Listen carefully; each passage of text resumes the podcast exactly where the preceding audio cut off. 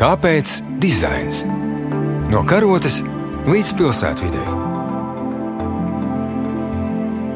Sveiki, darbie radioklausītāji! Ar jums kopā ir raidījums Kāpēc dizains un es Jelena Solovjova. Ciemos pie mums šodien ir dizainers Rihards Funs. Pēc divu gadu pārtraukuma šovasar Līgatnē atkal norisināsies startautiskā dizaina vasaras skola MED. Platforma, kurā radošā un brīvā vidē dizains satiekas ar amatniecību un zinātni. Rihards ir šīs vasaras skolas dibinātājs un programmas vadītājs. Sveiks, Rihard! Sveicināti! Pirmām kārtām izstāsti mums lūdzu vairāk par MED. Kas ir šī vasaras skola un kādi ir tās mērķi? Mūsdienās dizaina jēdziens ir ļoti vispārināts un kļuvis tik visaptverošs, ka ļoti būtiski būtu nodefinēt, kurā tieši dizaina laukā mēs darbojamies, lai klausītājiem būtu saprotams, par ko tālāk būs runa. Un tā tad eh, es pats esmu eh, izglītojies kā industriālais dizainers, un eh, tas lauks, kurā es un mani domu biedri strādā, ir lietu dizains, objektu dizains un priekšmetu dizains. Jeb, respektīvi, mēs to visu varētu arī nosaukt par mēbeļu dizainu. Šī laukā ietilpst arī skulptūras un unikālais dizains, bet eh, tā visa ir eh, lietu pasaule un apkārtējās vidas pasaule. Viena no būtiskākajām lietām šajā dizaina laukā ir materiālitāte un materiāla apstrādāšana. Mēs strādājam ar rokām un strādājam ar materiālu. Ļoti būtiska mūsu kā dizaineru darba sastāvdaļa ir tieši šo materiālu apstrādāšana un zināšanas par materiāliem, materiālu zinības. Arī skola ir balstīta uz šo ideju, ka mēs strādājam ar materiāliem un mūsu idejas un konceptus pārbaudām dzīvē, veidojot maketus un veidojot uzreiz dizaina vai, vai mākslas objektus, darbus. Ieceres pamatā ir tieši darbs, kopā ar meistariem, materiāla apstrādāšana. Vēl klāt mums ir uh, pielikta tāda lieta, ka šīs darbības notiek ārā, uh, vidē, dabā, un pamatvērtības ir vide, darbs un šie meistari. Tās trīs lietas, kas mūsu skolai ir uh, pamat, pamats. Sākām šo darbību vidzemē, jo vidzemēs strādāja pie Siguldas eh, radošā kvartāla attīstības projekta, un, un tur bija liela nozīme eh, arī šiem amatniekiem, un tika veikta vidzemes amatnieku kartēšana. Un tajā brīdī jau ļoti nopietni sāku domāt par to, ka vidzeme ir lieliska vieta, kur apvienojās manas domas par to, kādai būtu jābūt vienai no dizaina izglītības formām, kas apvieno gan vidi, gan amatniecības meistaru klātbūtni.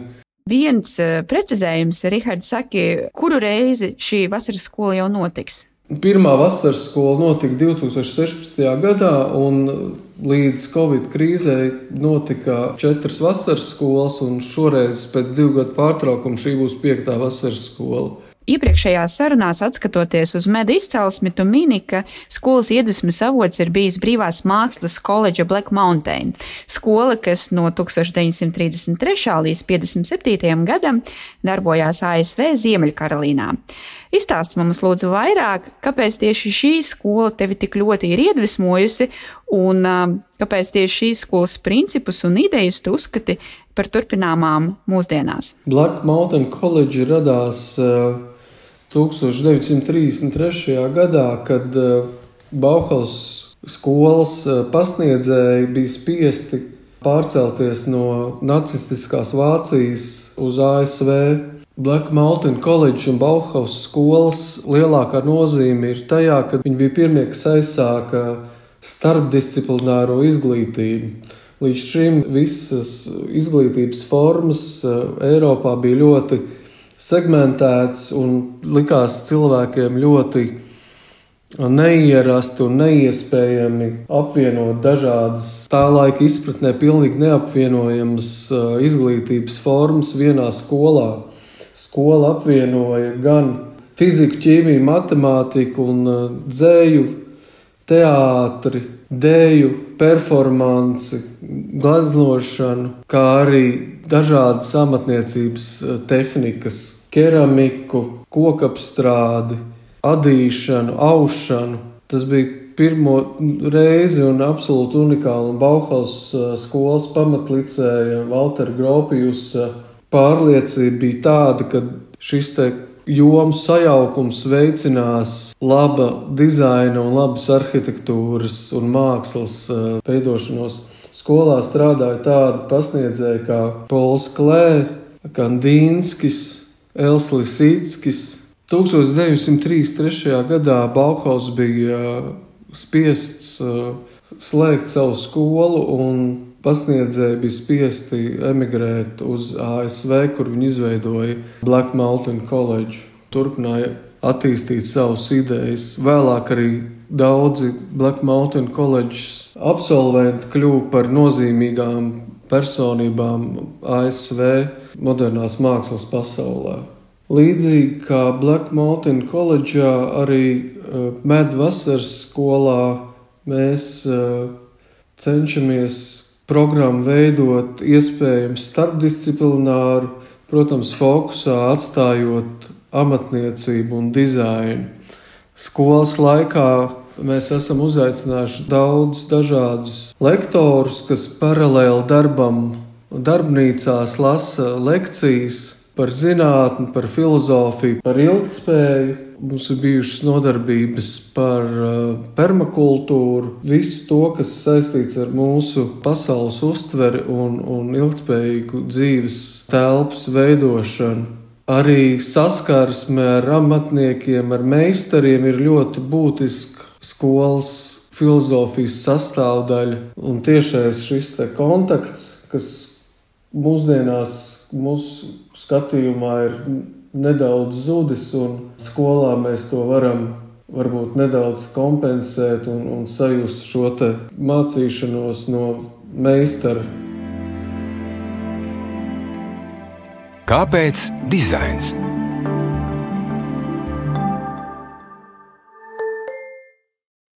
Par šī gada vasaras skolas tēmu ir izvēlēta krēslu filozofija. Man personīgi ir grūti iedomāties vēl fundamentālāku pamatformu dizainā kā krēsls. Kāpēc krēsls? Kāpēc šāds lēmums? Pēc uh, divu gadu pārtraukuma, kad mēs dzīvojām Covid ierobežojumos, mums gribējās likt uzsvaru uz uh, fundamentālām vērtībām. Krēsls ir viena no pamatvajadzībām cilvēkam, kas ir viņam bijusi blakus cilvēka evolūcijas gaitā. Krēsls varētu arī simbolizēt tādu kā Eiropas cilvēku attīstību. Mūsdienās viņš ir kļuvis par tādu kā simbolu arī ar negatīvu nozīmi, kad mēs pavadām savu ikdienu oficiālos un sēžam visu laiku pie datoriem. Tāpēc likās, ka šī krēsla nozīme ir nepārvērtējama, un mēs gribējām paskatīties uz viņu vēlreiz no jauna, tā kā pārdefinēt eh, šo krēsla nozīmi mūsu ikdienā. Mūsu ideju arī virzīja uz priekšu Mārtiņa Heidegera dzīves gājums likās ļoti interesants Martina Heidegera idejas par to, ka mūsu apkārtējā vide ir mūsu pašu prāta paplašinājums. Un arī Mārtiņš Heidegers uzskatīja, ka tikai viņš pats var sev radīt uh, ideālu vidi un ideāls mēbeles. Ka katram cilvēkam ir sev jāizveido vide tieši tāda, kāda atbilst viņa vajadzībām un tādā vidē dzīvojot, viņš var strādāt un pilnveidot sevi vislabākajā iespējamajā versijā.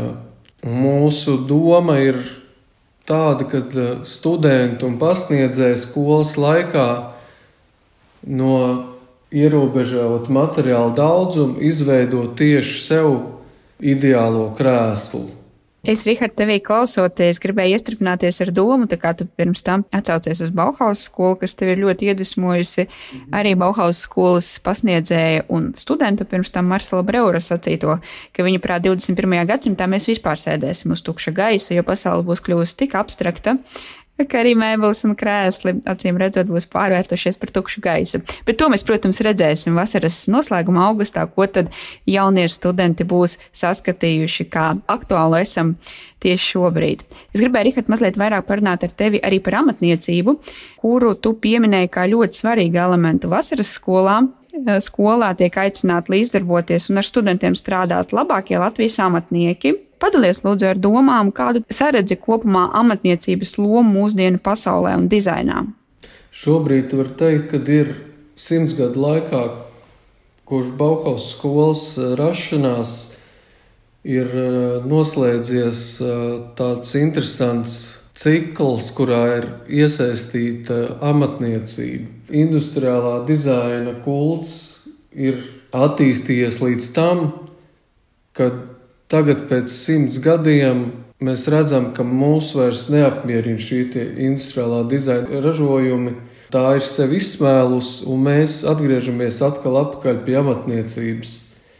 Cilvēki šobrīd jau izvēlās produktus, vairāk domājot par to, kā tie tiek ražoti, un atskās no šiem rūpnieciskajiem masveida bezpersoniskajiem ražojumiem. Un tas arī liecina par to, ka mēs vairāk pievēršam uzmanību personalizētiem uh, produktiem, ko mēs izvēlamies pirkt un turēt savās mājās. Un šeit ir ļoti liela nozīme šiem amatnieciskajiem uh, izstrādājumiem, kuriem varētu teikt, ka ir sava aura. Šis cilvēku pieskāriens ir ļoti jūtams un viņš ir uh, patīkams un, un personalizēts un arī ietekmē mūsu dzīves kvalitāti un, un pasaules uztveri. Un šie amatnieciskie produkti ir jau tādi kā manifesti. Ja mēs viņus turam savā interjerā, savā vidē, tad mēs arī paužam savu nostāju par saviem uzskatiem dažādos jautājumos par vidi un par cilvēka attīstību un, un dzīves kvalitāti.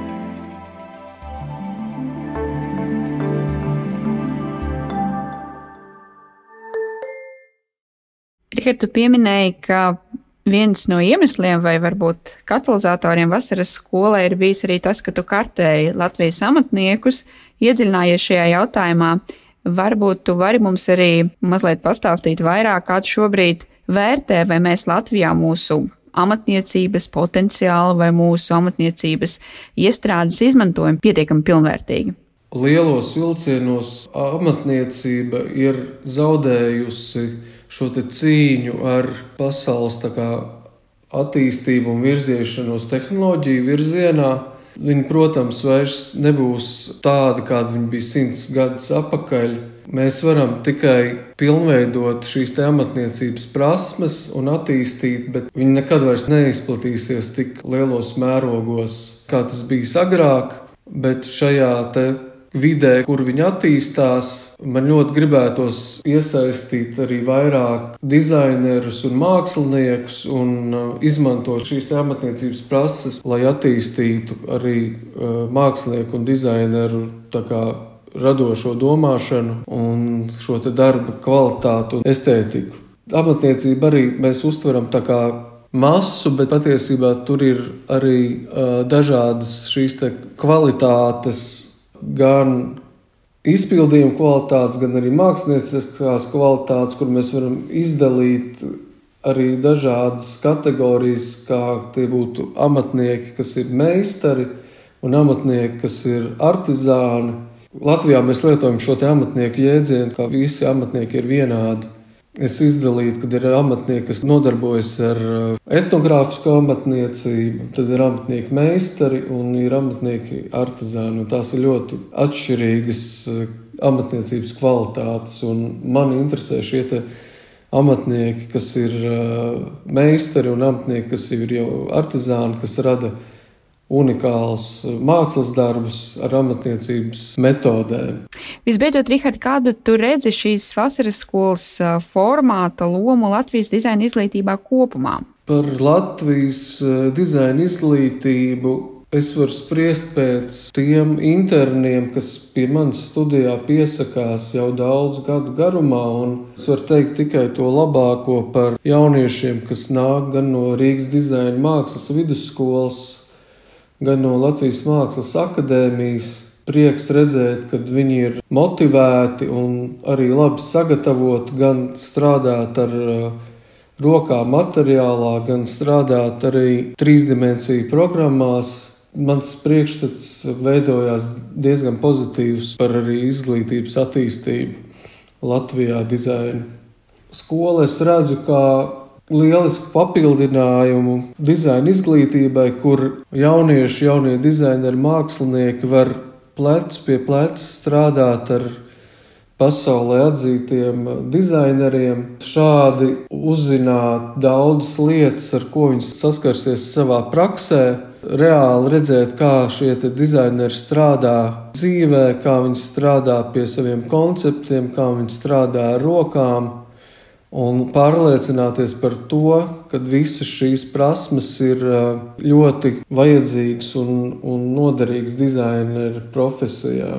Tad noslēgumā Atgādināšu, ka vasaras skola norisināsies no 18. augusta līdz 28. augustam, un līdzās studentu aktīvai darbībai kopā ar lektoriem un amatniekiem pārējiem mums klausītājiem būs pieejama iespēja arī apmeklēt lekcijas un arī viesoties noslēguma izstādē, kas būs kā kulminācijas punkts vasaras skolai. Un mēs labprāt uzņemam arī viesus un ar viņiem aprunājamies. Un, ja ir kādi interesanti, kam interesē mūsu programma, tie droši var braukt uz mūsu pasākumiem visiem un pievienoties mūsu komunai. Jūs varat sekot mums līdzi mūsu sociālajos profilos, Med Design Summer School Visa informācija ir apskatāma mūsu mājaslapā.